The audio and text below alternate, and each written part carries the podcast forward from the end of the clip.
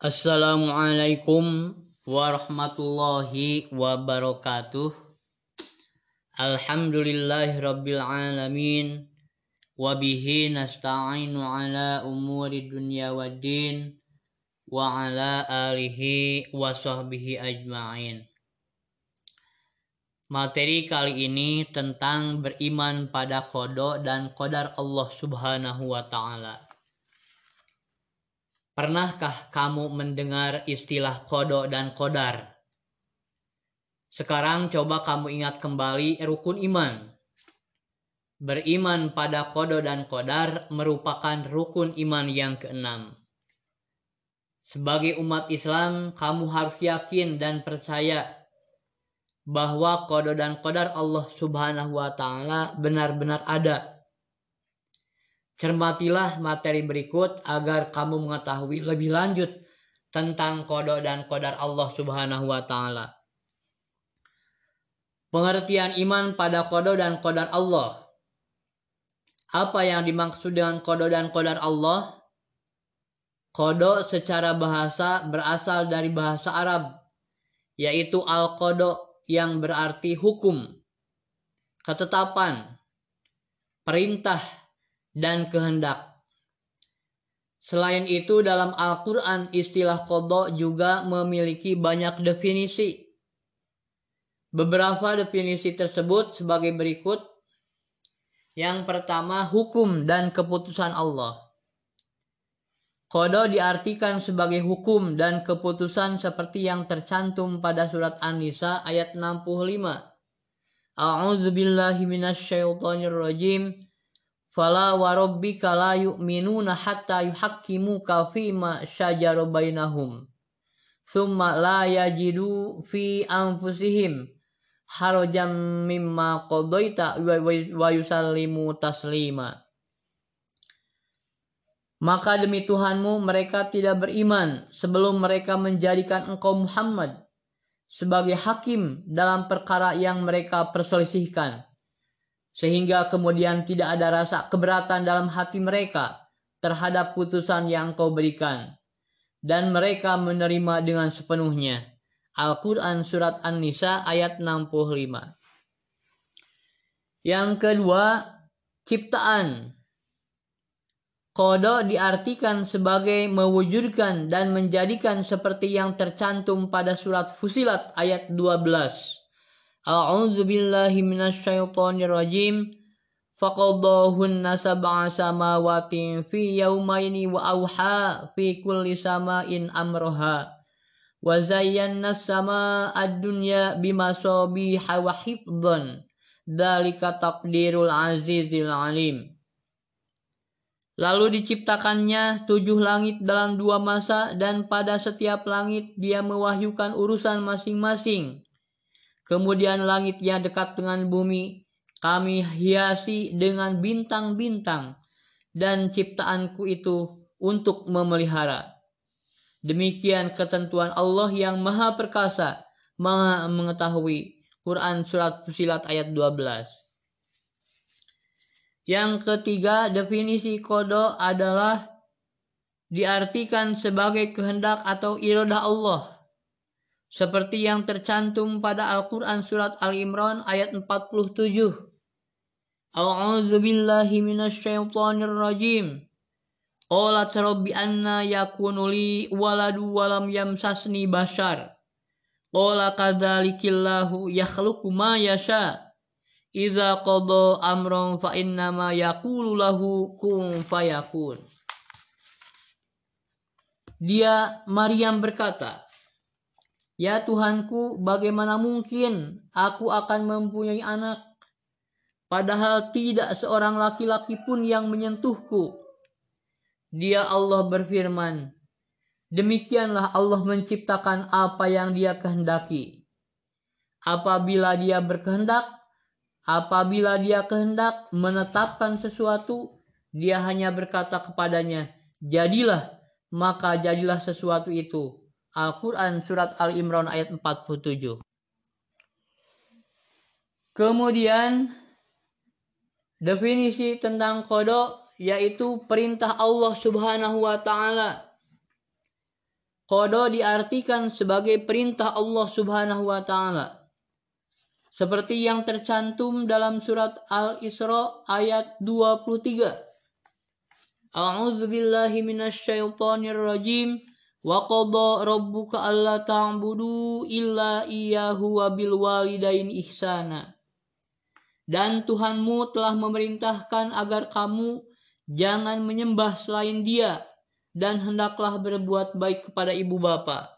Al-Quran Surat Al-Isra ayat 23 Adapun Qadar secara bahasa yang berasal dari bahasa Arab yaitu Al-Qadar yang berarti kepastian, peraturan, dan ukuran. Selain itu, dalam Al-Quran istilah Qadar juga memiliki banyak definisi. Beberapa definisi kodar sebagai berikut. Yang pertama, ukuran. Kodar diartikan sebagai ukuran seperti yang tercantum dalam Al-Quran Surat Al-Qamar ayat 49. A'udzu billahi minasyaitonir rajim. Inna kulla syai'in khalaqnahu biqadar. Sesungguhnya kami menciptakan segala sesuatu menurut ukuran Al-Quran Surat Al-Qamar ayat 49. Definisi yang kedua, kemampuan. Kodar diartikan sebagai kekuasaan dan kemampuan. Seperti yang tercantum dalam Al-Quran Surat Al-Baqarah ayat 236. A'udzu billahi minasyaitonir rajim wa matti'uhunna 'alal musin qadaruhu. Wa 'alal muqtiri qadaruh. Mata'am bil ma'ruf. Haqqan 'alal muhsinin. Dan hendaklah kamu beri mereka mut'ah bagi yang mampu menurut kemampuannya dan bagi yang tidak mampu menurut kesanggupannya yaitu pemberian dengan cara yang patut yang merupakan kewajiban bagi orang-orang yang berbuat kebaikan Al-Quran Surat Al-Baqarah ayat 236. Yang ketiga, ketentuan dan kepastian. Qadar diartikan sebagai ketentuan dan kepastian. Seperti yang tercantum dalam Al-Quran Surat Al-Mursalat ayat 23. A'udzu billahi minasyaitonir rajim. Faqaddarna fa ni'mal qadirun. Lalu kami tentukan bentuknya. Maka kamilah sebaik-baik yang menentukan. Al-Quran Surat Al-Mursalat ayat 23. Dan yang terakhir, Qadar diartikan sebagai aturan dan ketentuan Allah Subhanahu wa taala. Seperti yang tercantum dalam Al-Qur'an surat Fusilat ayat 10. A'udzu billahi minasyaitonir rajim. Bismillahirrahmanirrahim. Wa ja'ala fiha rawasiya min fawqiha wa baraka fiha wa qaddara fiha aqwataha fi arba'ati ayyamin sawa al-lisailin. Dan dia ciptakan padanya gunung-gunung yang kukuh di atasnya. Dan kemudian dia berkahi. Dan dia tentukan makanan-makanan bagi penghuninya dalam empat masa memadai untuk memenuhi kebutuhan mereka yang memerlukannya. Al-Quran Surat Fusilat ayat 10 Dengan begitu, banyak pengertian kodok dan kodar tersebut dapat disimpulkan bahwa kodok dan kodar merupakan dua definisi yang memiliki kemiripan dan tidak dapat terpisahkan karena keduanya satu kesatuan. Kodo menurut istilah adalah ketentuan atau ketetapan Allah Subhanahu wa taala tentang segala sesuatu yang berkenaan dengan ke seluruh makhluk Allah Subhanahu wa taala yang sifatnya tetap tidak dapat diubah. Kodar adalah perwujudan dari kodo. Kodo dan kodar merupakan dui tunggal yang tidak dapat terpisahkan. Kodok dan kodar dalam keseharian sering disebut dengan istilah takdir Allah Subhanahu wa taala yang berlaku bagi semua makhluk hidup berupa takdir baik maupun takdir buruk. Beriman pada kodok dan kodar Allah berarti yakin dan percaya bahwa Allah Subhanahu wa taala satu-satunya zat yang memiliki kehendak dan ketetapan atas semua makhluknya.